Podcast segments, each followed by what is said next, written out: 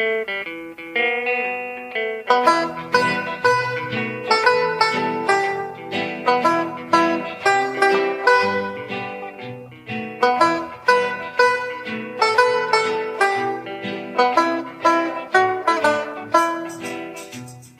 stor skalle på den som har på sig den här. Alltså. Hej och välkomna till den allsvenska podden som görs i samarbete med Robert Laul och Per Boman. Det är jag som är Laul, det är du som är Boman. Hej Per! Hallå? Ja jäklar vilken allsvensk helg och måndag det har varit. Intrycken från de tre tidigare omgångarna har förstärkts i och med den fjärde. Detta är en serie som har börjat bra, intressant och spännande på nästan alla sätt. Vi ska raskt beta av ämne efter ämne, eh, match efter match, för här finns väldigt mycket att prata om. Först Per Boman, hur sitter kepsen? Den sitter ganska bra tycker jag. Den är en, en, en, jag är ingen kepskille egentligen men just nu har jag på mig en grön eh, gräsfärgad keps. Eh, sen igår är du en kepskille för jag noterar att du hade samma keps eh, på eh, matchen. Eh, vi lämnar eh, modeutläggningen och eh, tar oss rakt in till den match där du då hade din nya fina keps, nämligen stormötet på Tele2 Arena. Djurgården, eh, Malmö FF och en match som, ja, när vi satt och såg den här Djurgårdssegern då med 3-1 så, så kändes det lite som att eh, man satt eh, under historiens vingslag på något vis. Det kändes historiskt. Jag har sett Malmö FF förlora. Jag har sett eh, Djurgården vinna. Eh, men det här kändes som något annat. Jag, jag minns jag minns Malmö FF, de torskade med 5-0 mot Häcken. Jag tror detta är 2012. Eh, och det är där, jag får alltså backa till 2012 när Häcken körde över Malmö FF på Rambergsvallen. Eh, men det var innan Malmö FFs liksom Champions League-äventyr, innan de skaffade sig den här eh, positionen i svensk fotboll. De har inte liksom varit så manglade någon gång tidigare. Så, så jag tror jag nämnde i en tv-sändning igår att jag inte sett Malmö vara så utspelade på tio år. Jag får väl revidera det till nio år då. Men jag har i alla fall inte sett det sen, sen de kom in i, i i Champions League där eh, runt åren 2014-15. Ehm, Nej men det jag tänker på, jag menar det finns ju enskilda insatser som varit fruktansvärda. Vi har en match borta mot AFC Eskilstuna kanske 2017 eller 16 eller sådana som var hemskt arrogant och, och, dålig. Vi har eh, de tre 3-0 förlusterna mot Djurgården våren 2018 men det var ju under när Magnus Perssons lag också föll samman i, i total pannkaka och tidigare har man alltid kunnat liksom, i Mal när Malmö har åkt på, eller vi har någon sån ÖFK-match hemma när guldet redan var säkrat och de förlorade med stora siffror, minns jag något år. Men det är matcher där man kan säga att här har det varit dålig inställning. Eller här av olika skäl har inte Malmö liksom, eh, jag vet inte, haft rätt inställning sådär. Eh, nu var det bara en ren spelmässig slakt också. Ja, och eh, jag fick ett ord i huvudet då. Det, det, det, den känslan kanske kommer åldras dåligt, men att det var någonstans en, en början på ett maktskifte. Eh, vi får väl se hur det blir med det. Det kanske åldras dåligt som sagt men det var en känsla som jag, jag, jag kunde inte skaka av mig den igår och den har inte lämnat mig idag. Eh, du ska snart få göra din analys om varför det blev som det blev på, på eh, Tele2. Jag ska bara eh, dra, dra min korta bild av hur jag ser på det. Eh, för i vissa så här överlägsna segrar så beror ju det, det, det, liksom det överlägsna lagets överlägsenhet på att det andra laget är väldigt dåligt. Men det som jag imponerades av, eh, av Djurgården framförallt här, det är att det, det, det är Djurgårdsspelarna som är så mycket bättre av sina egna kvaliteter. Jag vet att andra analyserar detta på ett annat sätt, men titta på början av matchen. Första tio minuterna, jag tycker Malmö kommer ut med med ett ganska liksom bra pondus, bra självförtroende. De, de spelar sig fram på, på Jonas Knudsens kant, kommer till ett par inlägg eh, som, som Vittry får undan framför Rex vid något tillfälle. Alltså, det är inga, det är inga chanser. Men det är liksom inte, det, det, det det är ett par beslut som inte är så jättelångt från att det ska bli bra chanser. Så de första tio minuterna så, så känner ju de här lagen på varandra och sen är det som att Djurgården liksom de, de lägger i en högre växel när de känner att de kan. Och då börjar de sätta fart på bollen. Då börjar de driva upp tempot. Och det är inte Malmö som helt plötsligt blir långsamma. Det är Djurgårdens spelare. 11 man på planen. Alla deltar. Det brister inte någonstans eh, som klarar av att driva upp det här tempot så att Malmö FF helt enkelt inte hänger med. Och det är klart att då blir ju Malmö spelares prestationer sett över 90 minuter, de blir dåliga när man tittar på dem. Vi satte låga betyg på dem, det ska vi göra, men de blir dåliga för att Djurgården driver upp det här tempot på ett sätt som eh, Malmö inte hänger med på. Och jag tycker inte man riktigt kan prata om, om eh, underlaget för att i tidigare matcher så har inte Djurgården och Hammarby kanske heller riktigt behärskat det här eh, jättehöga tempot som drivs upp på det här underlaget. Men i den här matchen så behärskar alla Djurgårdsspelare det höga tempot helt perfekt. Det handlar inte om underlaget så mycket. Det handlar om att de behärskar det höga tempot. Malmö FF behärskar inte det höga tempot. Och där menar jag att den här prestationen är Djurgårdens eh, eh styrka snarare än att det är någon kollaps av Malmö FF.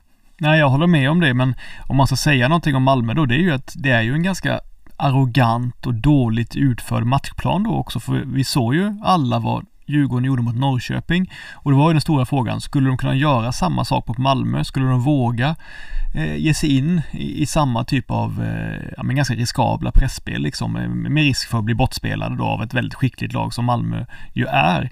Men jag menar när, när Djurgården som du säger kände att, att det inte var några bekymmer, ja då, då hade ju Malmö noll motmedel och det är så konstigt för att Malmö har hamnat i den här situationen tidigare på Tele2 Arena och jag förvånar mig, förvånas dels över att de inte Eh, var bättre förberedda på hur Djurgården skulle spela. Det, det, är för mig svårt att förstå. Det måste ju handla om att de har så pass bra spelare, tycker de själva att de är så pass överlägsna att de aldrig ska anpassa sig för motståndet och det, det förvånar mig lite. Men, men också att man efter då kanske 20 minuter, en kvart, en halvtimme inte förmådde överhuvudtaget ändra matchbilden. Att man, förutom kanske en kvart, tio minuter i början på andra halvlek, att man inte hade några medel eller verktyg för, för att få det här att se annorlunda ut liksom. Eller vad säger du om det? Var det inte handfallet? Jo, absolut. Och eh, där var det mycket intressant, för jag ska leda oss in på presskonferensen efter matchen.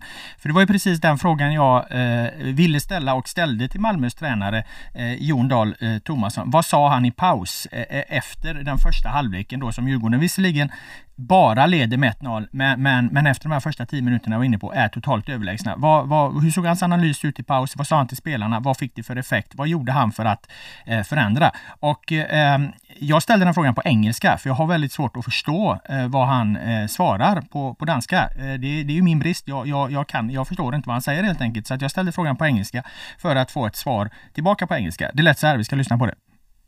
Jondal, what do you tell your players uh, in halftime after the first half? At vi ikke var tilfredse. Vi var skuffede over det, vi havde leveret. Det var drengene også. Vi tabte rigtig, rigtig mange bolde i vores opspil, noget vi normalt ikke gør. Når man taber så mange bolde, så, så ser det skidt ud, så løber du hele tiden efter situationen. Så øh, det var jo en af grundene til, at det ikke så pænt ud i første halvleg. Simpelthen for mange boldtab, og så var vi ikke aggressive nok i, i duelspillet. Jag har ju lyssnat på det här ett par gånger nu så att nu eh, förstår ju jag vad, vad Jon Dahl eh, säger. Vad, vad, liksom, vad gjorde han för analys i eh, halvtid? Eh, att det var alldeles för många bolltapp är ju det han säger.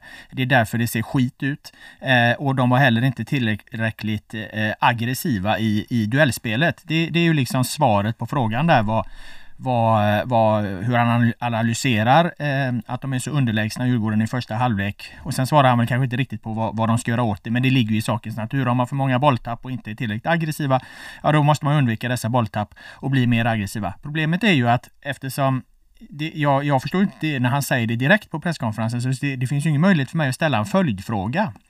Eh, och då kan ju kanske eh, läsare och lyssnare och tittare och så här tro att, att vi ställer de här följdfrågorna för vår egen skull som journalister. Men, men det är ju någonstans är det ju för Malmös eh, supportrar. Jag menar om, om Malmö går in i en kris och de vill att journalisterna ska ställa tränaren till svars så måste man ju kunna ställa följdfrågor. Men det blir någonstans omöjligt att göra. I alla fall eh, klarar jag inte av att göra det. I Discovery har de gjort någon slags deal med honom, att där, där ställs ju allting på engelska. Men det blir svårt Eh, som journalister att, att, att eh, utkräva ansvar någonstans av, av Malmös tränare där eftersom eh, man, i alla fall inte jag då, förstår tillräckligt bra vad han säger för att jag ska kunna ställa en, en direkt följdfråga på det. Så någonstans blir det Malmö-fansen då som blir lidande ifall de vill att deras tränare ska utkrävas ansvar för, eh, av. Eh, för oss spelar det egentligen ingen större roll. Jag menar, det, är ju, det, är, det är ju någonstans för, för fansen som vi gör journalistiken. så. Nej men absolut, alltså, det är klart att det är säkert många som förstår allt, allting av det. Jag har ju bara hört det en gång och jag förstod väl eh, att de var för dåligt aggressiva och hade för många bolltapp. Mm. Eh, men, men jag tänker på just det här med, med deras spelplan och så. Det, det, var intressant med Malmö efteråt för att visst, Anel Ahmedhodzic gick ut och sa de här eh, Eh, citaten i affekt om att de var pissdåliga, det var skit och så vidare och sådär. Eh, Ola Toivonen och Anders Christiansen visade med upp en slags återhållsam vrede, tyst vrede nästan när de mötte journalister efteråt, där de, där de tryckte stenhårt på en taktisk grej. Och det var så här, de menar att eh, Djurgården styrde alla, styrde alla Malmös uppspel så att Jonas Knutsen fick bollen. Sen stängde de centralt och då hade Toivonen, Christiansen, Rakip och anfallsspelarna för dålig rörelse för vi erbjöd honom, erbjöd honom ett alternativ och så vann de bollen där. Mm. Och sen slog de bollar bakom just Knutsen och eh, Erik Larsson och gick på snabba anfall liksom. Och delvis var det väl så. Och då menar Toivonen att de borde, de borde löst det genom att slå fler längre bollar. De försökte göra det ibland men då sprang Colak alltid offside. Mycket på grund av att Djurgårdens linje var, de hade stor högt med backlinjen. De var ganska modiga där och sådär och kunde ställa honom. Men han menar att allting berodde på det i princip. Men jag vet inte. Jag tyckte liksom Djurgården var, var bättre, mycket, mycket bättre i många fler delar av spelet än så. Ja, det är klart att de var. Jag menar, de driver ju upp ett bolltempo som Malmö FF inte eh, eh, klarar av. Eh, det skulle jag säga är det övergripande. Och eh, sen så håller jag med Tomasson här om, om att det, det, det är för många bolltapp. Ja, det är en konsekvens av det när de inte hanterar det höga tempot. De är inte tillräckligt eh, eh hårda i duellspelet. Det, jag tror att de känner sig underlägsna.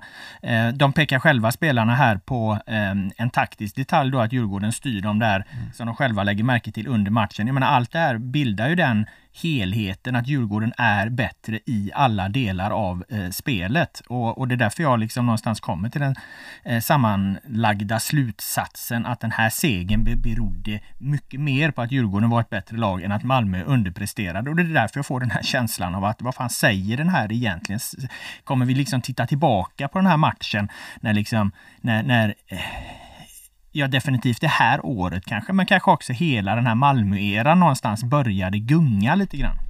Ja, jag vet inte, jag, jag, det är möjligt, alltså jag tycker att de ska ju verkligen, verkligen skämmas för den här insatsen. Framförallt profilerade spelare, stjärnspelare som Anders Christiansen och Ola Toivonen som när Malmö är som allra mest pressade, ja då, då sysselsätter sig Toivonen med liksom, du vet så här svåra volleypass på ett tillslag tillbaka mot eh, skarvar, tillbaka mot liksom Frans Brorsson. Och Frans Brorsson är en av de bättre spelarna igår i Malmö, men han är ingen Victor Nilsson Lindelöf som man skulle ta emot de här, de här tuffa, alltså de spelade på sån, sån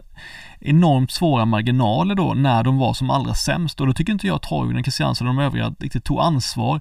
De kunde inte ställa om sin ambition utifrån hur bra Djurgården var utan de, de fortsatte spela lika idiotiskt genom hela matchen istället för att kanske skruva ner på risktagandet och, och vara lite mer ödmjuka i just den här matchen. Men det tror jag är väldigt svårt. Om du har dominerat svensk mm. fotboll då i, i, i tio, tio år, det är nio år sedan de, de var, varit liknande utspelade på ett sätt. De har sin spelidé, den ledde till ett guld förra mm. året. När det då händer någonting, när det då kommer ett fotbollslag som uppenbarligen utmanar dem på deras egen nivå, då tror jag det är jävligt svårt mm. att under en halvlek helt plötsligt göra något helt annat.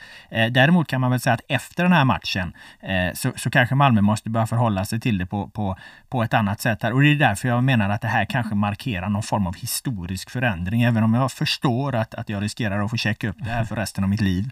Ja, nej, men jag, så, eftersom jag är den då försiktiga, lite fega generalen så vill jag inte gå så långt då givetvis, men, men, Eh, men jag tycker att det är en, eh, en, alltså det är en enorm håll käften-insats från Djurgårdens sida.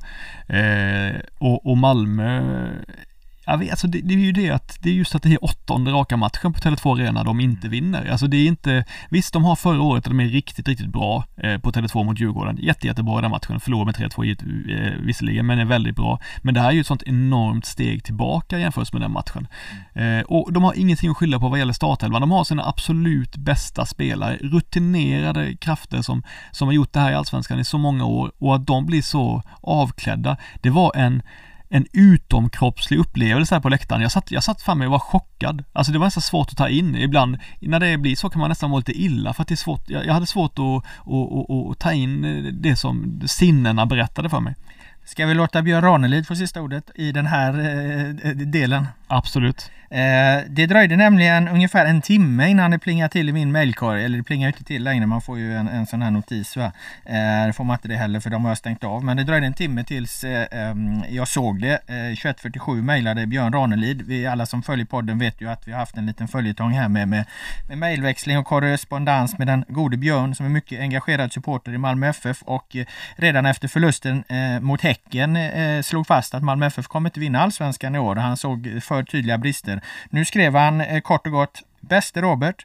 Jag har redan skrivit orden om Malmö fotbollförening. Ikväll blev lagets problem uppenbara. Vänligen Björn.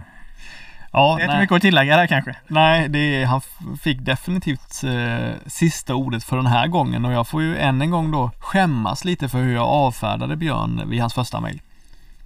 Vi lämnar toppmötet eh, därmed och sänker tempot en smula och går över till det blir tvära kast här. Eh, men den så kallade bollinnehavsmatchen då, Sirius-Kalmar, eh, som ju slutar 1-1. Eh, jag såg den, jag har analyserat den och jag kan prata länge om den. Eh, men jag ska börja med, eh, med att säga, så vi har klarat av det direkt, att ja, det är en jäkla skillnad på det Kalmar visar upp nu jämfört med det jag såg i Eh, eh premiären. Eh, jag är enig med din analys från förra veckan. Kalmar kommer garanterat klara sig kvar. Eh, du såg det en match tidigare. Eh, men jag vidhåller att nu gör Kalmar det de ska göra. Nu har de slutat underprestera likt de har gjort ett par år tidigare och det är bra. Eh, Kalmar tillför något i den delen av landet och i allsvenskan. De betyder mycket för många och det är kul att Kalmar FF är på rätt kurs igen. Eh, så där lämnar vi det stora perspektivet och bryter ner den här Sirius-matchen som då var väldigt intressant och jag har tusen tankar om den. Men jag låter dig styra detta Per Boman. Vad vill du veta? Ja, nej men jättekul såklart. Det här var ju kanske den matchen jag såg näst mest fram emot faktiskt inför eh, den allsvenska omgången. Och den första frågan är liksom, det kan framstå som banal, men jag tycker den ändå säger ganska mycket om de här två tränarna ändå, så jag säger det, jag kommer ställa frågan. Vem vann bollinnehavsfighten och i så fall betydde det någonting? Det är mycket intressant den frågan, eh, för vi har ju definierat det som bollinnehavsmatchen och jag har givetvis tagit fram eh, siffrorna. Sirius vinner bollinnehavet överlägset, 58 procent mot Kalmars 42 eh, procent då. Och Sirius vinner även då passningsprocenten, passningsskickligheten som är väldigt hög i den här matchen. De har 92 procent eh, och, och Kalmar då har 89 procent. Så det, det, det, är högt. Men ja, Sirius vinner bollinnehavet eh, eh, eh, definitivt. Men det som är intressant då, det är om man bryter ner de här och tittar på tid med bollen eh, position på planen så har Kalmar bollen sista tredjedelen 6 minuter och 42 sekunder. Medan Sirius bara har den då i drygt 4 minuter i Kalmars sista tredjedel. Så att trots att eh, Sirius bollinnehav är så högt i förhållande till, till att Kalmars är så lågt då, 58-42, så har ju, har ju har ju eh, Kalmar då, vad fan blir det, 30-50 procent nästan mer boll där man vill ha boll, alltså på den offensiva tredjedelen. Så det, det, är ju en ganska bra bild av att nej, bollinnehavet betyder inte så jävla mycket. Vad fan betyder, betyder eller det betyder inte så mycket. Varför spelar det för roll att Kalmar hade, eller eh, Sirius hade 58 procent mot, mot Kalmars 42 när Kalmar hade bollen mycket mer på, på i dem så, så, att säga, där man vill ha dem på den sista tredjedelen. Mm. Eh, och tror du det var precis så Ryd som hade tänkt också inför matchen att han var beredd på att ge upp det helt enkelt av, av de enkla skälen att han kände att han, de hade ett bättre bollinnehav än vad, än vad Sirius fick? Så långt eh, vill jag inte dra det för att jag tror att de här två tränarna är ju övertygade om att det finns ett väldigt stort värde Även om jag inte alltid håller med om det i eh, bollinnehavet. För att det innebär också, frågar du dem, så säger, kommer de svara att det innebär att de kan vila. Mm. Eh, de behöver inte hålla på och jaga, lägga så mycket kraft på det. Du, du, liksom, du, du, du behöver jaga mindre eh, om du har bollen själv. Det, det är liksom, du spar mer energi eh, på att ha bollen. Så att de kommer absolut inte säga att det, att det finns något som är onödigt med, med det här eh, bollinnehavet. Då. Vilka svagheter i Sirius tycker du att Kalmar blott, blottlade? Eh, att Sirius, att, alltså det består av två delar det här, att Sirius behärskar eh, eh, sin fotbollsfilosofi i det offensiva men inte alls lika bra i det defensiva. Mm. Det var en väldigt tydlig skillnad på Kalmar och, och, och Sirius därför att båda är ju skickliga på att eh, starta sina anfall med bollen längs marken från egen målvakt, spela sig fram. Men det var, väldigt, det var en väldigt stor skillnad i hur Kalmar klarade att försvara mot det här spelet jämfört med hur Sirius klarade att försvara mot det här spelet. Och det ser man ju där på var bollen hamnar då. Sirius har högt bollinnehav eh, på egen planhalva runt mittcirkeln. Det är inga problem. Kalmar har ett högre bollinnehav på den offensiva tredjedelen och det beror ju på liksom att Kalmar var, jag säger inte att Kalmar, var, Kalmar är bättre på att eh, spela Sirius-spelet så att säga. Men Kalmar är bättre idag under Henrik Rydström på att försvara sig mot det. Av en, eh, ett par anledningar, men framförallt att de löper något alldeles oerhört. Mm. De, de jagar kolossalt i pressen. Jag, jag, jag, jag fick flashbacks till Poya Asbagis lyckade år i IFK Göteborg där 2019 liksom när, när, eh, Blåvitt fick mycket cred för sitt spel. Men det framförallt handlade om en oerhörd arbetsinsats i, i det här pressspelet. Eh, och det gör Kalmar väldigt bra. Och det var också den analysen Daniel äh, Bäckström och, och vad heter han, eh, journalistsonen Ortmark, eh, mm. journalistbarnet barnet Jakob Ortmark gjorde i paus. De trodde att Kalmar skulle krokna.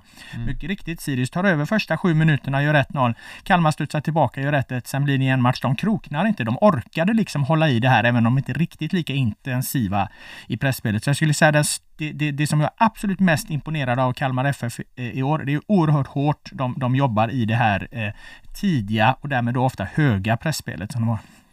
Vad, fanns det någonting som du kände att Sirius överglänste Kalmar på då?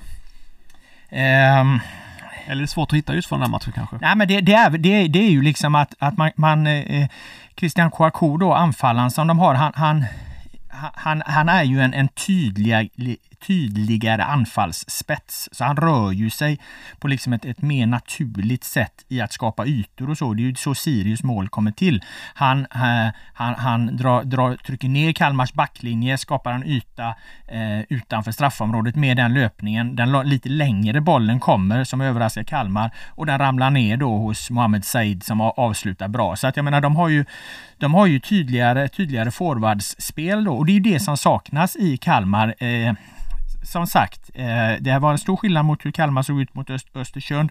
Och jag är beredd att säga det, skulle Kalmar ha ett par riktigt bra anfallsspelare, för det är ju fortfarande deras eh, problem. Här. De kommer till straffområdet, sen händer det inte så mycket mer. Rydström tycker att de har bra intentioner och så, men det leder liksom egentligen inte till mer än fyra avslut på mål. Det leder till liksom ett XG på 1,4 så att det, det leder ju inte jätte, till jättemycket chanser. Ehm, allt det här som de gör så bra innan och det, det beror ju liksom på, på att eh, där är de svaga. De kommer till straffområdet, sen tar det ofta eh, eh stopp. Det ska bli intressant att se om, om, om, om Rydström under den här säsongen lyckas lösa detta med de spelarna de har. Eller om de måste liksom eh, få in, få, få liksom Fröling tillbaka och få upp honom ytterligare 10-20 procent så han blir en riktigt bra anfallare. För då kan de bli djävulskt bra Kalmar med, med, med det här. Jag eh, vet ju att du gillar antingen eller-frågor så jag kommer avsluta kanske det här segmentet med att ställa frågan Eh, jag misstänker vilket svar du kommer ge, men vem vann då tränarkampen mellan Henrik Rydström och Daniel Bäckström? Jag skulle säga att Rydström vinner den. Eh, eh, för att Bäckström, han sänkte garden lite grann när han så hårt gick ut i halvtidspausen och sa att, att var inne på, och uppenbarligen hade sagt det till spelarna också, att de kommer krokna. De kommer inte orka. Han var nära att knocka Rydström på det eftersom de gör ett mål direkt. Men, men Rydströms Kalmar kommer ju tillbaka. Och jag menar, att ta en poäng på bortaplan mot, i alla fall i mitt tycke, erkänt skickliga Sirius. Det är klart att det är bra gjort av Henrik Rydström. Det är det, det vinna hemma och, och kryssa borta. Det, det, det är så det ska gå till i fotboll. Så att det är klart att det här är en större framgång då i den här matchen eh, eh för Rydström än, än Daniel Bäckström. Bäckström måste jag för övrigt tillägga eh, träffade jag ju på Friends sen. Eh, och vi har skojat lite med honom här i, i eh, i podden. Vi har gett honom ett smeknamn, Daniel äh, Bäckström, efter, efter hans liksom då ganska respektlösa, eller respektlösa ska jag inte kalla den, men, men, men eh, vad säger man? Ja men attitydsstarka framtoning mot, mot Rickard Norling när Norling menar på att Sirius klarade av att spela på snö bättre än vad Norrköping gör och det tyckte han, äh, vad är det liksom? Även om han vände mot mig. Och eh, vi har skojat lite med honom. Ingen aning om hur en människa tar att man ger dem ett, liksom ett smeknamn helt plötsligt. Men han kom fram till mig på Friends och så sa han det. Du, tack så mycket för, för det här. För att jag har i hela mitt liv velat ha ett smeknamn. Nu har jag äntligen fått ett. Så att Daniel äh, Bäckström är väldigt nöjd med sitt smeknamn kan vi meddela Och så det är en slags världsrekord i sympatisk hantering av ett nytt smeknamn. Det, ja. är, det gladde mig att höra det. Ja, det är ju inget jättebra smeknamn heller. Det är ju ett ganska konstigt smeknamn. Men det är lite roligt. Eh, det var en annan grej jag ska nämna kort om den här matchen bara. Vi har ju svurit här i podden, tror jag i alla fall, över de korta hörnorna. Varför i helvete håller liksom lag på med de här korta hörnorna? Eh, de leder aldrig någonstans. Eh, jag har fått statistik skickad till mig kring korta hörnor och eh, mycket riktigt, korta hörnor är sämst att slå. Det bästa är att slå en halvkort hörna, alltså en hörna mot första stolpen. Där blir det oftast mål, men det är väldigt svårt att slå en sån. Det är svårt liksom att hitta den hårda höjden. Eh, näst flest mål görs om du slår en lite längre hörna då, alltså mot mitten, mot straffpunkt någonstans, målgårdslinje, bortre stolpe där. Eh, där görs det näst flest mål eh, procentuellt och allra minst antal mål gör, eh, procentuellt och görs det ifall du börjar liksom rulla en kort eh, hörna där ute och hålla på. Nu vill jag hävda att, att Kalmar är på väg att revolutionera detta. De, de, de, de rullade igång, överbelastade, hittade lösningar, eh, tog sig in i straffområdet ett par gånger. Fick inte ut jättemycket av det. Men eh, Ja, det var länge sedan jag såg så bra korta hörnor helt enkelt. Och en fågel har viskat i mitt öra att mannen bakom dessa korta hörnor är ingen mindre än Rasmus Elm. Han har tydligen nött korta hörnor med Kalmar inför den här matchen. Få ett fint resultat direkt. Kan de utveckla detta så kommer Kalmar FF eh, och Rasmus Elm eh, revolutionera det korta hörnspelet. Ja, vad spännande. Ja, eh, och spännande också att jag, jag vet inte, på något sätt kanske jag känner lite där att den halvlånga eller halvkorta hörnan då, den här mellanvägen som går mot främre stolpen räkna, har vi inte annars alltid räknat det som en vanlig hörna egentligen? Att det bara finns, alltså att man delat upp det i tre olika nu. Köper ja. du att, att man gör, en, att man gör, att man, att man delar upp det i tre olika snarare än bara ha två olika typer? Ja men nu fick en på om du köper det eller inte eftersom du kommer med den här invändningen. Men det låter som att du inte riktigt gör det. Du vill bara ha två kategorier hörnor, den korta eller den normala liksom. Nej men jag, det, för mig var det nytt i alla fall. Jag, jag, jag, kan liksom, jag förstår ju varför man gör det men jag, jag vet inte. Det, jag har alltid känt att en, en, en, en hög hörna på första stolpen är också en, en, en, en klassisk hörna på något sätt. Ja. Eh, om det inte var något mer du vill veta om den matchen, vi har gått igenom den grundligt, så eh, knallar vi vidare i, ja. i vår eh, ämnesvandring här. Och eh, vi eh, eh, nämnde ju Friends där, där vi träffade Bäckström och det var ju på matchen mellan AIK och Elfsborg. 1-0 till AIK. Förra gången så utlovade vi en Elfsborgs special eftersom de hade två raka segrar. Eh, det var ju typiskt att de förlorade nu då mot, eh, eh, mot AIK, men vi ska ändå erbjuda eh, lyssnarna denna Elfsborgs special eftersom vi har lovat den. Och jag ska inleda eh, med via AIK då tänkte jag för att jag fick under den här matchen, vi var ju där båda två, en tydlig känsla att laget är numret större än Elfsborg i år. Ehm, de är bättre där matcher avgörs i straffområdet. De har bättre mittbackar, bättre anfallare, även om eh, Elfsborgs keeper då Tim Rönning överglänser Budomir Janosevic och ju även gjorde så i den här matchen. Men kanske framförallt så har AIK färre svaga punkter upplever jag. Eh, jag upplever att Elfsborg brister i lite för många delar för att vara ett riktigt bra fotbollslag. Eh, Simon Strand, han gör bra saker, men blandar och ger väldigt mycket. Jag vet att du tycker han är underskattad, men han blandar och ger väldigt mycket. Eh, Marocko Endione är inte redo att tampas med de tyngsta backlinjerna ännu.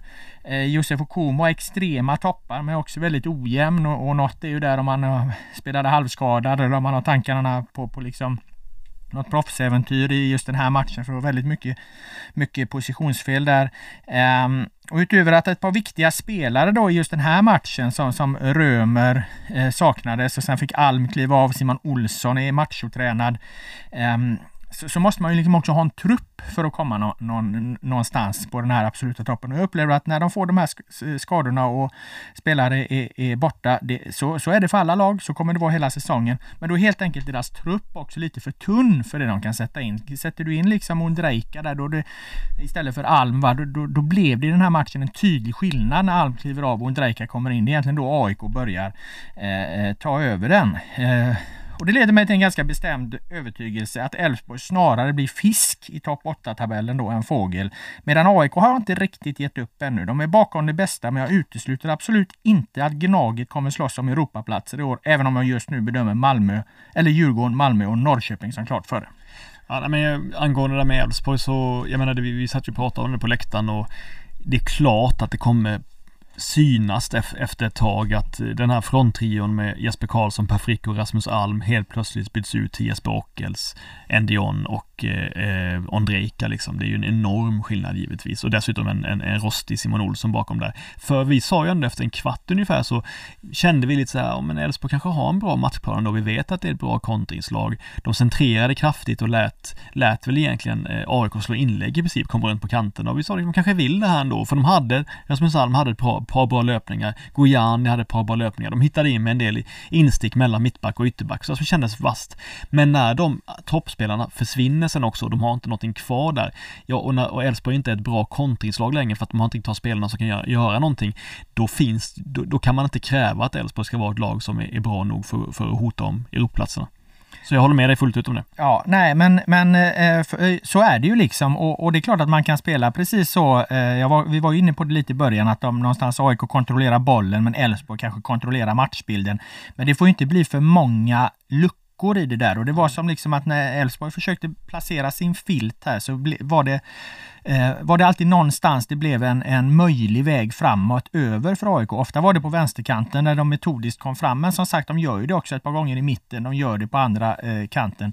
Eh, eh de gör det via Sebastian Larssons fasta situationer. Så mot ett sånt så bra lag som AIK så kan det också vara vanskligt att spela så, att lämna över initiativet så, så mycket. Oavsett om de ville göra det eller att de, de inte kunde göra på något annat sätt. Men jag tror inte de ville göra det, för Jimmy Thulin sa inför pausen, Eh, vi, vi noterade det båda, att, att vi ska, vill absolut vara med och styra eh, det här. Och fram till att Alm tvingas gå av så gör de det lite bättre än de gör efteråt. Sen visst, absolut, de får ett tryck, AIK går hem, eh, leder och så. De, de, de eh, tar över matchen lite mer i, mot slutet, men de skapar inte liksom det där massiva liksom forceringstrycket efter en, liksom en kvittering. Det klarar de inte. Jag menar, tittar du på avsluten på mål eh, så har de två avslut i mål på hela den här matchen och det, det, det, det vinner du inga bortasegrar på. Jag tycker trycket handlar nästan till 100% om vad AIK gör. Att AIK vill, att AIK på, på lite för, för tidigt på, på ett för bekvämt sätt. Också för att Larsson går ut och att då får Hussein inte kan upprätthålla samma spel givetvis. De kan inte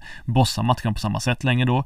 Men de backar ju hem alldeles för mycket. Jag vet att det måste vara Eh, lockande att göra det när man har Lustig, eh, Milosevic och, och Sotte där vi som kan få undan det mesta liksom. Det är klart att de klarar den utmaningen nästan alltid men det gör ju också att Johan Larsson som jag ändå kände var den bästa Elfsborgsspelaren, han var faktiskt bra genom hela matchen. Han tar ju sig fram längs kortlinjen. Offensivt var han Offensivt, bästa. Ja, exakt. Defensivt Nej, fan. Absolut. I typ 93 minuten är han ju där och, och är nära att stöta in en fin passning som ingen av Elfsborgsspelarna är med på sen och Frick bidrar lite, med, med lite tryck men det var ju inte för att Elfsborg eh, Eh, satte press på AIK som, som, som de fick till det här halvtrycket. Det var ju för att AIK drog sig hemåt. Sen har vi det här med Okom också som jag jag menar efter Djurgårdsmatchen, det, det kändes, då kändes det liksom, det kändes lite kanske lamt av mig. Då kände jag att jag skulle försöka hitta några svagheter hos honom sådär. Så jag upplevde ändå att det var ett naivt positionsspel när Chilufya, springer in, eh, vad är det, 2-0 målet. Eh, men jag tänkte så här, jag frågade ändå Jimmy Thelin, vad, vad, säger du om det? Tycker du att, eh, att Josef har några liksom svagheter för försvarsspelet vad, vad gäller det positionsspel och liknande? Att han kanske spelar lite arrogant ibland. Hur ser du på det? Eh, och det, han bet jag fullständigt och vägrade svara på det och avfärdade den frågan. Ställer du inte liknande fråga efter den här matchen? Jo, jag frågade också det vad han tyckte om Okomos försvarsspel. För vi hade ju reagerat på att, att eh, när Okomo, när AIK går, det är Stefanelli som, eh, nej det är eh, Bahoui som har bollen eh, centralt och eh, du har en, en löpning om det är från Goitom eh, i djupet och du har liksom Stefanelli eh, som, som ligger som alternativ runt straffområdet. Då, då liksom, då lämnar Okomo ytan för Bahoui att helt frispela eh, Stefanelli, så han får ett rent friläge mm. eh, som Rönning gör en bra be benparad på. Och det är klart att någonstans en mittback där kanske måste, måste gå bakom sin andra mittback för att följa den, den löpningen. Men man kan ju inte liksom helt lämna ytan så att det bara är för Bahoui att sätta, sätta en passning så blir han helt fri där. Så att där, där värderade han helt enkelt eh, eh fel. Och den saken upprepar nästan ett, ett exakt likadant läge uppstod en stund senare. Då var det Goitom som höll på, på att komma fri, fri, fri på samma sätt för att Okomo kom fel i positionerna. Men, men då var passningen för lös. Jag frågade ju eh, också Thelin vad han tyckte om Okomos försvarsspel, för han bytte ju ut Okomo i slutet också. Men nej, han hade inga synpunkter på det. Han tyckte han var jättebra som vanligt, så att det var inga konstigheter. Och ja, men du tog ut honom där, ja men det var för att han, det var lite konstigt i svaret, för då menar han på att ja, men han vill inte riktigt följa med upp i anfallen. Så då ville vi ha in McVeigh då. McVeigh han gjorde ju någon rush där med bollen mm. som Tillin då eh, påpekade att det hade blivit bra effekt på det bytet. Sen har det visat sig att nu har han varit lite skadad och eventuellt mm. Komo, jag vet inte. Men så det är mycket snack om att han, vad fan ska han till, till, till var det Rangers eller Celtic? Ja, eller fan, fan. Rangers var det i så fall, men det är väl allt möjligt. Ja. Alltså, vi snackade med honom efter matchen, några journalister, och han, utan att säga det rakt ut, så var det ju tydligt att han eh, vill lämna i sommar. Liksom. Ja, så jag menar det. Så att det kan ju handla om att han har tankarna på, på, på annat håll där också. Då, så att, ja, nej, men det var lite märkligt. Men jag håller med dig om det du är inne på där, att, att eh, Thelin vill ju absolut inte att, eh, att det ska framstå som att det finns några sprickor i den här Okomo-fasaden. Och det är väl för att de vill hålla prislappen uppe. För jag menar, titta, så att scouterna har tittat på det här så ser de vad vi ser, att okej, okay, här bjuder vi 5-10 miljoner mindre för att eh, om vi ens ska ha honom. Man får säga det, de två monsterbackarna förra året, eh, Ahmed Hodzic och Komo, eh, eh, där får ju klubbarna hoppas att de visade så mycket förra året att, att storklubbarna ute på kontinenten fortfarande är lika, lika, lika, lika intresserade och vill beredda att lägga lika mycket pengar. Ja, för frågar du eh, Superbosse så tycker ju han att, eh, att Hjalmar Ekdal är värd det dubbla mot Ahmed Hodzic. Då får man i och för sig Jakob Une Larsson på köpet som Bosse sa i en snart legendarisk intervju efter, eh, efter Djurgårdens seger där när han var euforisk, arg och eh, lycklig och och, mm, ja, allt möjligt. Alla, alla känslor på en och samma gång helt enkelt. Eh, något mer om Elfsborg, något mer om AIK i, i den matchen? Nej, men det, det är klart att... Eh... Jo, jag har en fråga till dig. Ja. Eh, Sotte Papagiopoulos hyllades ju väldigt mycket. Mm. Eh, Alexander Axén pratade om landslaget. Mm. Man ska inte, man ska inte mm, förakta Axéns utspel på den här, av den här typen för att i fjol, eller nej det var två år sedan kanske, då pratade han om att eh, Muamer Tankovic mm. var redo för landslaget. Jag förstod inte fan han pratade om, men det dröjde inte länge förrän Tankovic var med i truppen.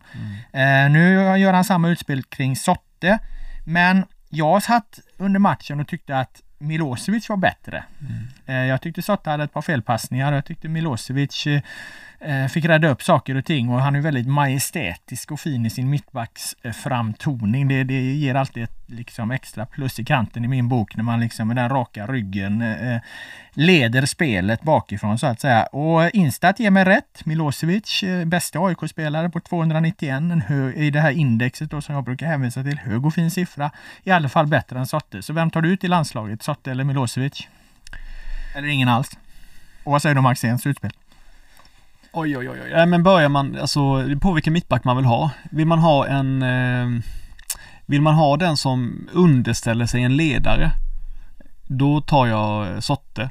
Behöver man en ny försvarsgeneral, då hade jag tagit Milosevic. Ja. Men, men, men... Det kanske det Axén menar då, för då är, ligger ju Sotte närmare till hans. Man ska ha in liksom sjätte, sjunde mittbacken i truppen där om de nu utökar trupperna inför EM och, och så som det talar om. Sen så, så är det ju kul också, jag menar för det var ju så att Sotte hade själv tagit upp det här med landslaget och, och det blev lite bass kring det liksom och Lustig fick uttala sig. Men då pratade man också med Milosevic efteråt så man märker ändå på honom att vad fan det är väl jag som ska med i landslaget. Liksom. Alltså, alltså det är tydligt att han, eh, det är tydligt att det finns en, det är ju en, det är en enormt hälsosam konkurrens i en allsvensk toppklubb att man har två killar som aktivt jagar efter en landslagsplats. Ja. Så klart det blir svårt för dem båda två men det finns en möjlighet för båda två. Och jag kände ändå att Milosevic var så här, nej men fan, det är jag som ska med i landslaget. Plus att de redan har två landslagsspelare, ja, ordinarie Lustig och, och, och äh, Larsson. Eh, så det är inte så konstigt. Larsson gick ut skadad där, då, då faller ju eh, AIK eh, djupare ja. också. Så det är klart att, att de är ju väldigt beroende av honom av olika anledningar. Dels för att han är väldigt bra, men dels för att AIKs svagaste lagdel är ju också mittfältet. Även om Bilal Hussein gör det bra ja, så, ja. Så, så är det klart att det är deras svagaste lagdel. Sen får ju Stefanelli börja ställa in siktet också om han ska mm. bli den där skyttekungen som han hoppas bli. Han har faktiskt haft mycket lägen i den allsvenska inledningen mm. och varit bra givetvis, jättebra i spelet, gör många bra saker men han måste faktiskt sätta fler av sina chanser.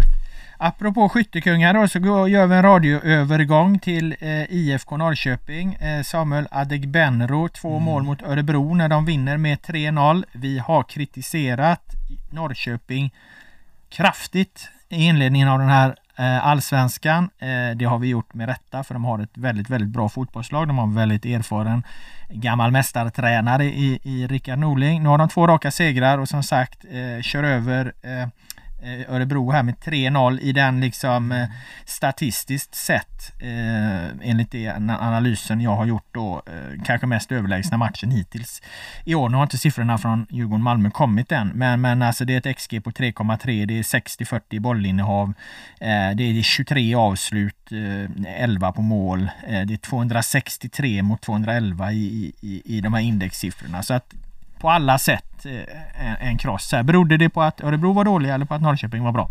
Nej, det var både och i det här fallet. ÖSK var jävligt dåliga och, eh, och Norrköping, det är intressant för jag, jag svarade på en panel i, i, i NT för någon vecka sedan, och så, för två veckor kanske det var. Och då sa jag visserligen att eh, jag, jag, är säker på att Norrköping kommer ha rejäla skrattmatcher ibland oavsett om hur deras liksom, grundspel utvecklas, oavsett ifall det här laget verkligen funkar eller inte så kommer de ha matcher där det kommer se ut som en, ja, men, karneval. Men jag sa så här, mot bättre lag, de behöver de nog eh, eh, balansera om laget lite mer defensivt. Man måste få in en tredje innermittfältare i Kastegren. Man kanske inte kan ha så offensiva wingbacks. Så jag kände liksom, om Norling ska göra någonting, då ska han nog balansera om laget lite. Framförallt mot bättre lag, men kanske även mot andra lag. Och sen så ska man se matchen mot ÖSK då, och då är det alltså eh, Ishak Abdurazak som högerwingback, Jonathan Levi som vänsterwingback, eh, Isak Bam Johannesson och eh, Fransson ihop där på innerfältet och sen eh, tre anfallare helt enkelt. Det var någonting i hästväg i, alltså jag menar, jag minns, jag minns förra året, då sa vi så här Nej men Norrköping har ju bara en defensivt orienterad spelare förutom, eh, ja men de här, att, det var, att det var Erik Smith liksom som var i ankaret. Nu har de inte ens ett ankare på något plan i, i laget och jag var, ja, jag var, det, det, det, jag, jag, Men det är bra coachat av Norling väl borta ja, mot borta Örebro? mot just Örebro kan man ju göra det och det var jätte, jättebra. Och dessutom vissa spelare som Abdurazak och, eh, kanske inte lever men Abdurazak visar sig ganska bra i defensiva en mot en situationer utöver att han är väldigt bra i offensiven. Jag tyckte Haksabanovic gör en enorm insats. För första gången på året så är han precis så bra som man eh, kräver av honom. Han är han är avslutare, han är spelfördelare, han är X-faktorn, han droppar ner, alltså han skapar säkert fyra chanser till som Norrköping borde göra mål på. Eh, och han är, ligger bakom allt och är totalt eh, överlägsen. ÖSK skyllde ju mycket på att de tappade boll i fel lägen eh, och att eh, då Norrköping fick anfalla mot ett eh, desorganiserat eh, ÖSK. Men det var inte bara det, jag tycker, jag tycker, jag tycker Norrköping var bättre liksom på, all, på alla sätt och vis i anfallsspelet. Det skyllde de ju på efter uh, Örebro, eller Östersundssmällen där 5-0 också om jag inte minns fel. Så att uh, ÖSK de, de, har ju definitivt problem med det men med en hel del annat också. Det har vi pratat om tidigare. Vi har varnat för att kan det här bli året då Örebro faktiskt åker ur allsvenskan så det ska vi inte tjata om igen. Din, din spaning kring Haksabanovic har kraftigt stöd i matchanalyssiffrorna här 368 i indexsnittet, jättehögt. Ett, ett av de högsta i år. Mm.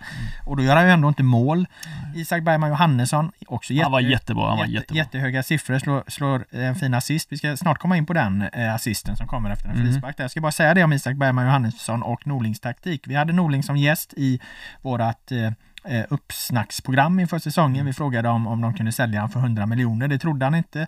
Eh, han menar på att han har för mycket utvecklat i sitt spel. Han måste bli en bättre tvåvägsmittfältare. Eh, genom att Norling ställer en sån här offensivt balanserad eh, startelva eh, på benen i en match. Han kan göra det mot ett formsvagt och jättesvagt överlag Örebro. Då tvingar han ju också Isak Bergman Johannesson, när det inte finns där ankaret som du pratar om, att utveckla sitt tvåvägsmittfältspel. Eh, och eh, då får han ju Norling här då en seger. Eh, han hanterar det, han lär sig, han utvecklas och han kanske också då eh, säljs för dyrare pengar. Så det är en jävla jackpot att göra så också, mm. om det går hem. Absolut. Sen så känner jag mig fortfarande ganska säker på att Norrköping kommer hamna i problem mot bättre lag. Alltså att framförallt om de skulle ha sånt här offensivt balanserat lag, det tror jag inte de kommer kunna ha mot topp 8-lag i serien utan, Nej, att bli, utan att bli djävulskt straffade. Nej, det kan de inte. Men det är en jävla skillnad nu på, mm. på det här, de här anfallskrafterna de har jämfört med vad vi såg i början när vi pratade ja, ja. om hur de vänder om mm. och hur de är så omständiga, de kommer inte till avslut. Nu, eh, eh man såg det redan i Halmstad-matchen att då var det fokus på att gå på avslut. Nu var det ett jävla inläggsspel mm. också. Mm. Nu, nu, nu, liksom, nu la de till ytterligare ett, ett verktyg som har många olika. Nu kan de välja mellan, ja, de kan vända vända om och leta efter ett bättre läge ibland. Men de går också rakt på mål och de kommer också till inlägg och, och skapar chanser den vägen. Så nu börjar de utnyttja liksom eh, eh, alla liksom, hela den här vapenarsenalen som de någonstans har. Det är klart att Kalle Björk då erbjuder ett alternativ, då viktigt alternativ när, när eh, Nyman är borta och han var ju bra, han borde gjort minst två mål i matchen eh, och jag menar det, utan att, jag vill inte ta bort någonting från hans insats, men man skulle kunna sätta nästan vilken hyfsad superettan eller allsvenska center som helst i det där laget så kommer de få bra lägen liksom. Eh, jag eh, tycker också att Adegbenro återigen är, är bra liksom. Han, han, är, han är ganska, fan jag fick, när han, när han kom trodde jag mer han skulle vara kanske mer trixare på kanten med vända ut och in på motståndarna, komma till inlägg, komma till vika in, skjuta in i bortre. Men han är ju en länkspelare, han är en kille som tar sig in i straffområdet, han, han, han, eh, han eh, är ju jättebra på små ytor i, som passningsspelare och spelförståelse jag tycker han är jävligt bra. Han är jättebra. Han har magneter till fötter har han. Mm. Vi ska bara grotta ner oss lite i 2-0 målet där ja. är det va? Eh, det kommer efter en frispark som ser misslyckad ut men du har en tes om att det här var en djävulskt avancerad variant i många olika steg. Ja nej men det var, jag vet inte för jag, jag såg matchen då på TV och det, det, det är inte samma sak som att vara på plats men det är ju då att eh, de ska slå en inläggsfrispark eh, Norrköping och det är ju eh, Serak Sabanovic som står vid bollen och Isak Berm Johannesson. Och när han då eh, stegar fram där Haksabanovic då tar ju Isak Berm Johannesson en en monsterrapp löpning, nästan övertydlig löpning kände jag mot vänsterkanten för att då snabbt kunna eh, slå ett inlägg från vänstersidan när ÖSK inte riktigt beredda. Men Haksabanovic slår aldrig bollen. Eh, istället så Eh, och ÖSK liksom försöker organisera sig om sig. Istället slår ju Haksabanovic tillbaka bollen till en mittback eller till en försvarare som står längre bak. Vilket gör att ÖSK-försvaret blir lite mer poröst. De börjar tänka okej, okay, nu kan vi flytta upp spelet för att Norrköping har misslyckats med varianten. Nu kan vi flytta upp spelet. Då får Haksabanovic tillbaka bollen och då är kanske inte Bergman Johansson mer fri än tidigare, men han har fortfarande öppen gata för att eh, när han får bollen av Vaksabanovic kunna slå ett inlägg på en mycket större yta än tidigare. ÖSKs back, försvarslinje har ju flyttat upp jättemycket. Det finns kanske då, om det var tre meter mellan målvakt och försvarslinje i första läget så var det kanske, fan vet jag, tio meter nu och dessutom väldigt oorganiserat. Så när sen Isak Bergman slår sitt femte fina inlägg för matchen, som är enormt bra, då är det ju flera Norrköpingsspelare som nästan är fria och bara kan stötta in bollen i mål. Jag vet inte, jag, och då skrek Jonas Dahlqvist i, i TV, den är ju helt misslyckad men den lyckats ändå. Eh, och då, men, men jag, jag fick bara för mig att det kanske var medvetet, men det kan vara jag också som, som gör det svårare än vad det är. Jag skulle vilja kategorisera detta som ett mysterium. Eh, och, och för att jag har en invändning eh, som talar emot att det är en variant i alla led och jag har eh, en, eh, en invändning som eh, talar för att det är just en, en avancerad variant i många led. Eh, det som talar för att det faktiskt är en variant i alla led, det är att när eh, Isak Bergman Johannesson sätter av på sin maxlöpning så tycker jag att han stannar upp den utan att vända sig om. Som mm. att han vet att han inte kommer få bollen. Mm. Och det talar ju då för att det här är en, en variant i många olika led. Han vet att han kommer få den i ett senare skede istället. Så att han stannar upp liksom eh, utan att, att vända sig om. Eh, eh, lyssnarna får detaljstudera ifall han kanske gör en snabb huvudknyckning. Det är lite svårt att se. Eh, och sen tar han en ny position då. Och det innebär ju då att det här är en variant i många olika eh, steg. Det som, det som talar emot att det skulle vara en variant i många olika steg, det är att hade Haksabanovic bara rullat ut bollen på Isak Bergman Johannesson direkt så hade han ju haft, han hade kunnat kliva rakt in i straffområdet. Det fanns ju inte en gubbe i närheten där liksom. Och, och, då vet man ju inte vad som är. Han kunde ju haft ett skottläge i princip där rakt mot mål. Så det, hade ju, det, var ju, det var ju någonstans misslyckat att inte lägga den. Det blev väldigt lyckat för att effekten och konsekvensen är ju precis som du säger. Att, att när de rullar tillbaka den, då måste ju Örebro röra sig. Då får de röra upp sig. De flyttar ut spelare. De blir färre i straffområdet. Alla Norrköpingsspelare är kvar. Så när bollen går tillbaka till Isak Bergman Johannesson så har han ju fler eh, spelare där inne att sätta den på. Det blir mycket riktigt mål också. Mm.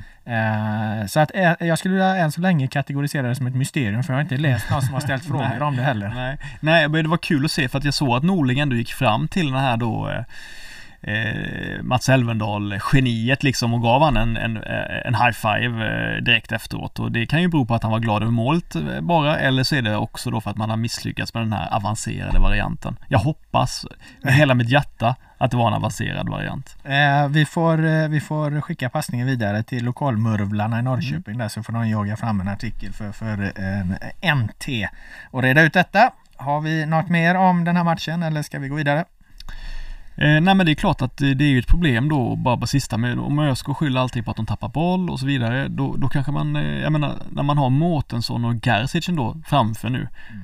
Då, då ska det ju omöjligt att vara så naiva. Då ska man ju tvärtom kunna eh, lösa det på ett mycket bättre sätt. Så att eh, Ja, det, ser så, det ser riktigt illa ut och, och, det som är speciellt med Kjell det är ju ändå att han har faktiskt fått välja sina spelare själv. Han är ju delvis manager eller helt manager. Han har fått peka på Himmet, Skovgard, Gall och tänkt att okej, okay, får vi den här spetsspelaren också då har vi, då har vi ett riktigt bra lag. Mm. Eh, så han, han, har ju faktiskt ingenting att skylla på. Det man ska då eh, tänka på lite kring Örebro där, det är ju faktiskt att lite i skymundan så har ju de, eh, de har tappat ekonomiskt. Mm. Eh, man, man, ser ju gärna Örebro som, som det här liksom laget strax under Big Eight som jag brukar prata om. Men, men de är ju i princip eh, uppätna, omsprungna av Kalmar, Sirius och, och ja, Östersund har de ju varit länge men situationen i Östersund är väldigt speciell.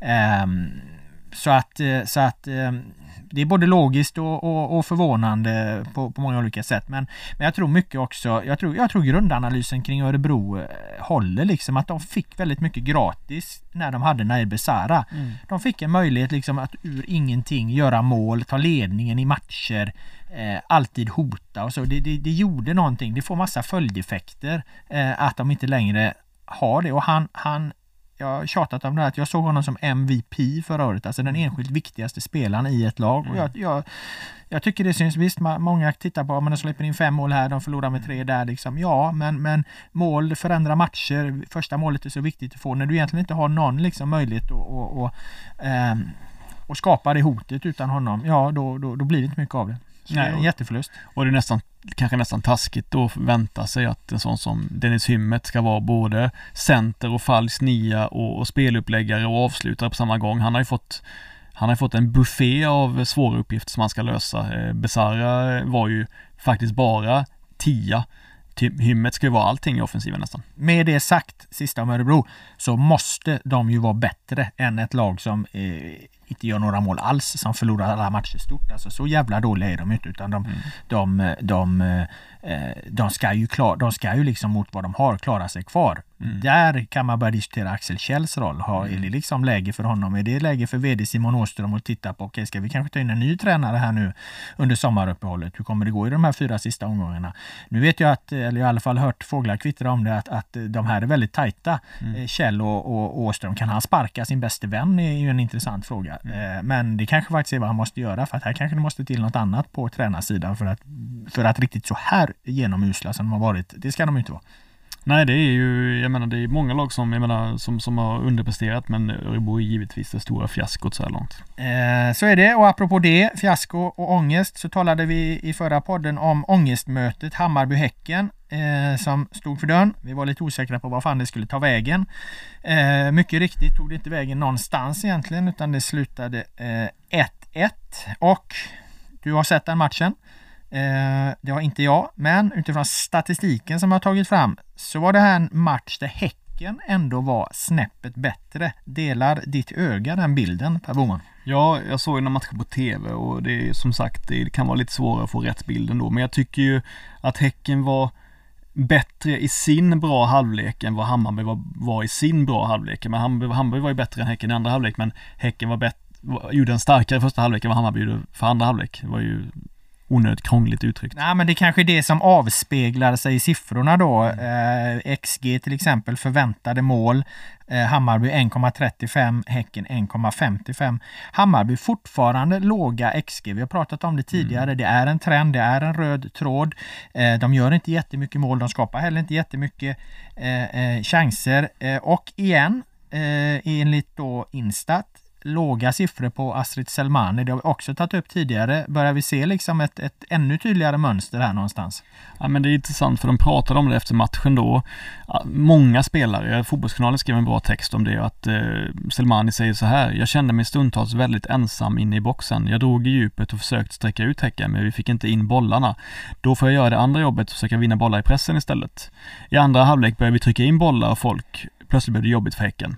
Men vi får inte glömma att målen görs i boxen. Och Många lagkamrater säger också det. Vi måste få in bollen i boxen, säger, säger den ena. Vi har Gurra och Astrid där inne. de är krigare. De är andra typer av forwardstyper vi hade förra året. Vi måste få in bollar i boxen, vi måste slå inlägg, vi måste slå inlägg och så vidare och så vidare. Och, så vidare. och det, eh, det är ju något nytt ändå, eller hur? Så har man inte hört eh, Hammarby uttrycka sig förut och det är ju rätt i den meningen att det är annorlunda anfallsspelare. Men det är ju inte annorlunda mittfältspelare än tidigare sådär liksom. Så att jag, det, det, jag, jag, det, det är ju inte så enkelt att bara ställa om helt plötsligt. Om de inte får, för jag menar, jag trodde ju Hammarby skulle göra många mål på kanske sin kontringsfotboll, att de skulle variera eh, klassiska Bojanic-insticken och längre anfall och kontra in en hel del mål. Jag kanske inte visste att de, jag tänkte mig kanske inte att de skulle bli ett utpräglat inläggslag på det sättet, för det blir man ju inte bara på fem röda. Nej. Men Selman är bra på två saker. Han är väldigt bra eh, i försvarsspelet, eh, forwardsarbetet som han lägger ner. Mm. Eh, när, när jaga, eh, där har han liksom en, en, en krigarinställning som icke ska underskattas. Och han är ju en, en, avsl en avslutare när han kommer med fart in i, i straffområdet. Det var ju i princip så han gjorde alla sina mål i, i Varberg i, i fjol. Han är ju inte liksom den som tar in bollen och, och hittar, skapar eh, chanser och ingenting liksom. Eh, så ska man få ut, har man då lagt eh, storleksordningen 8 miljoner eller vad fan det var här nu på honom. Mm. Eh, jag menar då, då, då, då, då måste man ju spela på något sätt så man använder det, annars är det ju, är, är det ju pengar i sjön. Mm. Eh, och det är väl det de pratar om där och det kanske är något de har börjat prata om eftersom spelarna säger det så kanske det ändå är, är något som direktiv så. Men jag håller med dig, vem ska slå inläggen? Ytterbackarna som ska komma upp och slå, slå, slå de här inspelen då, då måste de ju någonstans hitta ett spel för det. Ja, det är klart Sandberg har ju en bra fot när han väl kommer fram, men han kommer fram mer Eh, 2018, 2019, de senaste åren. Jazz tycker jag också är såklart givetvis bra i offensiven. Men han är mer en snett inåt bakåt-kille, kanske ändå mer instickskille. Eh, även för han kan slå inlägg givetvis. Bojanic kan, skulle kunna slå fantastiska inlägg men han hamnar ju sällan riktigt i de positionerna för, för att göra det. Mm. Om inte det är inläggsfrisparkar och liknande. Eh, så att eh, jag vet inte, det kanske är ett eh, splittrat lag på det sättet att man inte riktigt är säker på hur man ska anfalla. Man har ändå på något plan i ryggmärgen det klassiska Billborn bayern fotbollen som man då vill krydda till med något annat men det kanske blir varken hackat eller malet då om man ska uttrycka, uttrycka sig så. Eh, en annan grej som jag, eller vill du säga någonting? Nej, jag skulle bara säga att Häcken har tagit sin första poäng, halleluja. Mm, nej men Häcken var väldigt bra i den första halvleken. Eh, det var kul att se Martin Olsson komma fram och slå det här inlägget på Jeremejeff. Men jag reagerade inte mest på att det var en bra aktion av Häcken. Jag reagerade på att Fjolosson gjorde sin första dåliga insats eh, för Hammarby. Mm. Han var underkänd faktiskt. Han var, eh, jag vet inte riktigt vad, vad, vad, vad, det liksom, plötsligt så var han virrig i positionsspelet. Plötsligt så spelade han bort eh, massa, massa passningar. Han var liksom obalanserad på, ja, uppträdde, uppträdde nästan skakat så, som jag var överraskad av sett till vilka ja, minst 4 plus-insatser han har gjort i nästan fram till derbyt då. Eh, så att eh, det, var, det var oväntat att se eh, att Fjolosson gjorde en, en plattinsats. Sen kan ju det bara vara en enskild plump givetvis. För han kan det vara ändå att häcken, äh, att häcken gör väldigt mycket rätt i den här matchen? Mm. Nu kanske det låter som att jag letar halmstrån här men om man, om man tittar på de här då indexsiffrorna som kategoriserar alla aktioner på planen så, så kommer ju alltså Häcken i den här matchen upp i 251. Norrköping i sin match som, som slaktar Örebro, de är uppe i 263. Alltså mm. rent prestationsmässigt så, så när du väger samman alla prestationer de gör på planen så är de inte jättelångt ifrån varandra. Nu, nu är det ju kanske inte rättvist att jämföra match mot match så eftersom det beror ju hela tiden på vilket motstånd du möter och så vidare. Men, men det är ändå en hög eh, kvalitativ insats och jag menar Hammarby är inte så långt efter. Det är inte det jag säger men, men, men jag säger att Häcken eh, även om de bara har en poäng, bara får en poäng eh, så, så, så, gör de fotbollsmässigt en bra insats och det tror jag man ska ta med sig för framtiden. Ja men sett att de inte hade Erik Friberg heller då, att de hade då Falsetas och, och Berggren och Heinz. Så där tycker jag att de, återigen då, precis som de gjorde på det positiva sättet mot Sirius, att de kommer fram väldigt mycket centralt och lyckas eh, eh, nysta upp Hammarby jävligt fint i många anfall i den första halvleken. Eh, som jag, sen är det ju det att Traoré och Leo Bengtsson är ju lite för poängsvaga än så länge för att spela ett sånt offensivt bra lag så måste ju de leverera. Det är viktigt. Jeremejeff tycker jag har varit en bra forward egentligen hela säsongen och visat att han är ett starkt nyförvärv. Men eh, han måste få mer avlastning av, av Heinz eh, och de två yttrarna. Mm. Eh, Resultatet innebär i alla fall att det blir nya ångestmöten framöver. Eh, åtminstone kan man ju säga att det är det för Häcken att komma till då ett Göteborgsderby här på eh, eh, lördag. Mm. Men å andra sidan så möter de ju ett IFK Göteborg då som vi ska glida över på. Mm. Eh, som har fått en start som gick från succé inom räckhåll eh, efter den här eh, stabila 2-0-seger mot AIK till snudd på en fiaskostart då. Fem poäng där de har mött två nykomlingar. Senast då 1-1 mot eh, Halmstad BK. Och där, för jag såg den matchen, reagerade jag på att man använde Marek Hamsik fel. Anar du vad jag menar? Ja, eh, jag anar att du tycker att han borde spela högre upp i planen. Ja, det tycker jag eh, verkligen. För att jag tycker att å ena sidan sett till förväntningarna eh, och vad, vad, man har trott att han skulle eh, prestera och framförallt vad han skulle betyda och kunna bidra till. Så det är klart att, att eh, han här och nu är vårens flopp. Men det handlar väldigt mycket om, om förväntningarna som fanns. Tittar man på honom i särskilt den här matchen mot, mot eh, HBK då, så gör han ett par prestationer som osar klass där man verkligen ser och jävlar. Hade man inte vetat någonting om, om, om, om hans frisyr, man bara sett liksom den här liran dök upp där och då man tänkte fan är det här liksom? För att han löser vissa svåra situationer på ett väldigt bra sätt. Bollen kan komma ut eh, eh mot kanten där han har dratt sig. Han har spelare i ryggen. Han liksom på ett tillslag bara sätter, sätter den liksom ja, men på ett sätt som, som var väldigt svårt att se. Eh, men det som är problemet med alla de här aktionerna egentligen som man gör som är väldigt bra, vet du vad det är? Det är att de sker ju någonstans runt mittcirkeln. Mm. De sker väldigt, väldigt långt ner i planen. Och när en spelare gör väldigt bra saker långt ner i planen, då är du väldigt beroende av att den du då sätter i ett bättre läge måste ha något bra att komma med. För annars dör du ju lite där. Och det är precis vad jag tycker händer. Han löser situationer men det dör i nästa läge eh, för att sen går det för långsamt och, och, IFK kommer ingen vart. Jag förstår inte riktigt varför Roland Nilsson inte knuffar upp Hamsik. Jag menar nu ligger han ju och spelar 20-30 meter ifrån Sigthorsson och Sanna. Koppla ihop de här så kan du få ut väldigt, väldigt mycket mer av det. Men jag tror ju att det handlar om att... Ja, det vet vi ju att det handlar om. Ja, Hamsik, mm. för det sa han på sin första presskonferens att han ska spela som den här åttan, liksom ligga till vänster för att det är där han ska spela med i Slovakien. Mm. Och det är därför han är här, får spela sig i form inför det men i Slovakien har han mycket, mycket bättre eh, lagkamrater såklart, så att där, där, där passar han ju bättre i den, i den här rollen. Men det tycker jag Roland Nilsson ska skita i. Sätta upp han som en tia, liksom koppla ihop han med Sigthorsson och Sanna så klart att han kommer få ut mer av Marek Hamsik. För om han gör de här aktionerna i straffområdesbågen istället för i mittcirkeln. Visst, han kommer ha mer bevakning så det kommer vara svårare för honom. Men han är på väg mot en, en, en matchform där han faktiskt kan göra det. Här, för man ser i vissa moment det osar klass om honom. Men han är, han är för långt bak i planen när han gör det. Mm. Ja, men det, det, är klart att det handlar ju om eh, det handlar om hur stark tränare man är då. Att, jag menar, om, Hamsik har ju fått det här löftet från Fanerud, från, från eh, Nilssons chef då, att kunna spela som, han låter ju nästan som att han spelar som sexa eh, mot HBK, att han har sjunkit så djupt åtta, alltså han var, var han knappt tvåvägsspelande i, mot, mot eh, HBK? Jag tror han försöker vara det men det blir ju jävligt långa löpningar liksom. Ja. Om du, om du, du, du, du, du liksom eh, kommer ner och erbjuder ett alternativ till vänster som en av tre liksom någonstans eh, vänster av mittcirkeln vid, vid liksom halv, halvplan liksom. När bollen sen kommer vidare då måste du vara väldigt snabb upp i så fall. Mm. Det var lite som när Zlatan skulle ner i, i mittcirkeln mm. hela tiden i landslaget där ett tag. Håll dig nära till något straffområdet. Det är där du liksom kan, kan göra den stora skillnaden mm. även om det, det, det är liksom kul att komma ner. Mm. Ja men det, det är ju, eh, sen är det väl också, jag menar det är ju ytterligare ett billigt mål Blåvitt släpper in också. Det, det, sådana får man inte samla på sig för många av. Vi har ju framförallt eh, som vi sa Bertilssons nickmål i, i, som ett av tre av, av Degerfors. Sen har vi det här skitmålet som släpper in eh, när Antonsson gör eh, 1-0 och sådana mål kan man ju inte hålla på med. Nej, men jag kan förstå att IFK Göteborg vill spela med många defensiva spelare på planen ändå just av den anledningen. Det, det är klart att det är lätt att säga att okej, okay, vi måste få ut mer. Vi måste gå över till 4-3 och så, men då tar du bort en, en mittback därifrån.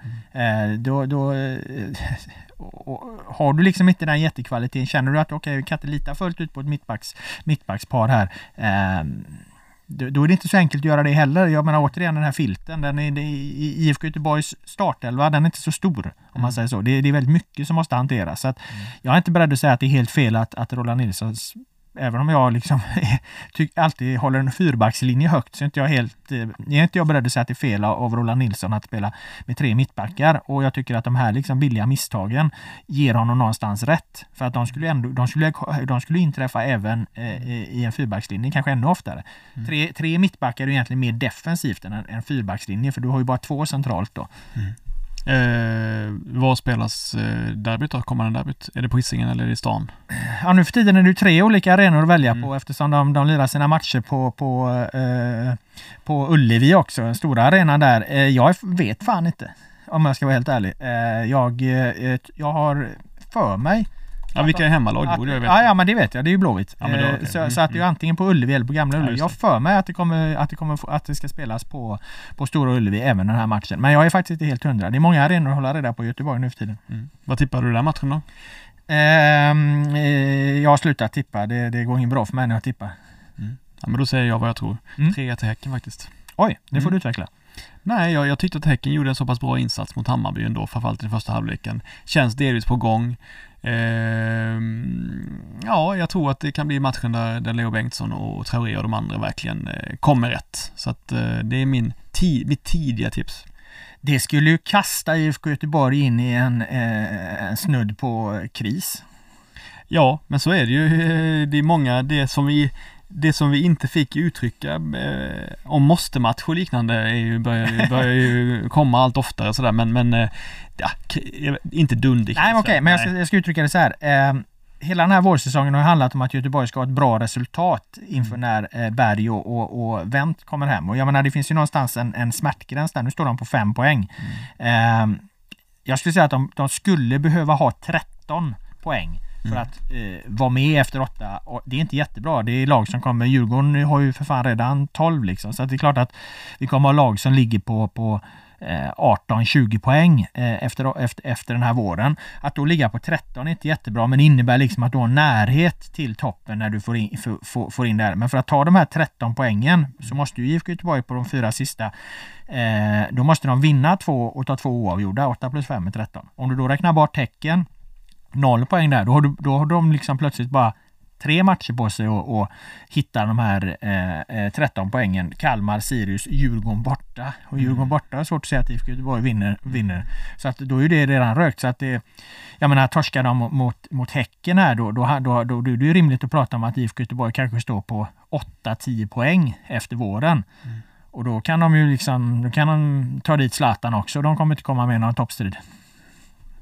Då räcker, det, ja, men då, räcker det inte med Berg och, och, och Wendt, då är de för långt efter. Då, då, då är det en mittensäsong med Berg och Wendt. Mm. Men det var väl det som ändå var det troliga scenariot att det skulle bli så. Att Blåvitt inte skulle kunna sätta sig i en tillräckligt bra position under våren. Så är det, så är det. Men det har ju de själva inte riktigt hållit med om. Och, och eh, viss, eh, viss debatt har ju ändå handlat om att de ska, att de med det här materialet ska vara med i toppen. Medan vi andra som har haft ett lite mer kritiskt öga på det, här, då har ju någonstans varit inne på att, att ja, men de är ju inte här samtidigt och det, det är för mycket liksom frågetecken kring det hela. Så det är mer rimligt att, att Göteborg blir ett mittenlag med Berg och vänt än att de blir ett topplag med Berg och vänt. Men hade de Eh, och det var därför jag sa att det var en potentiell succéstart där när de, när de besegrade AIK.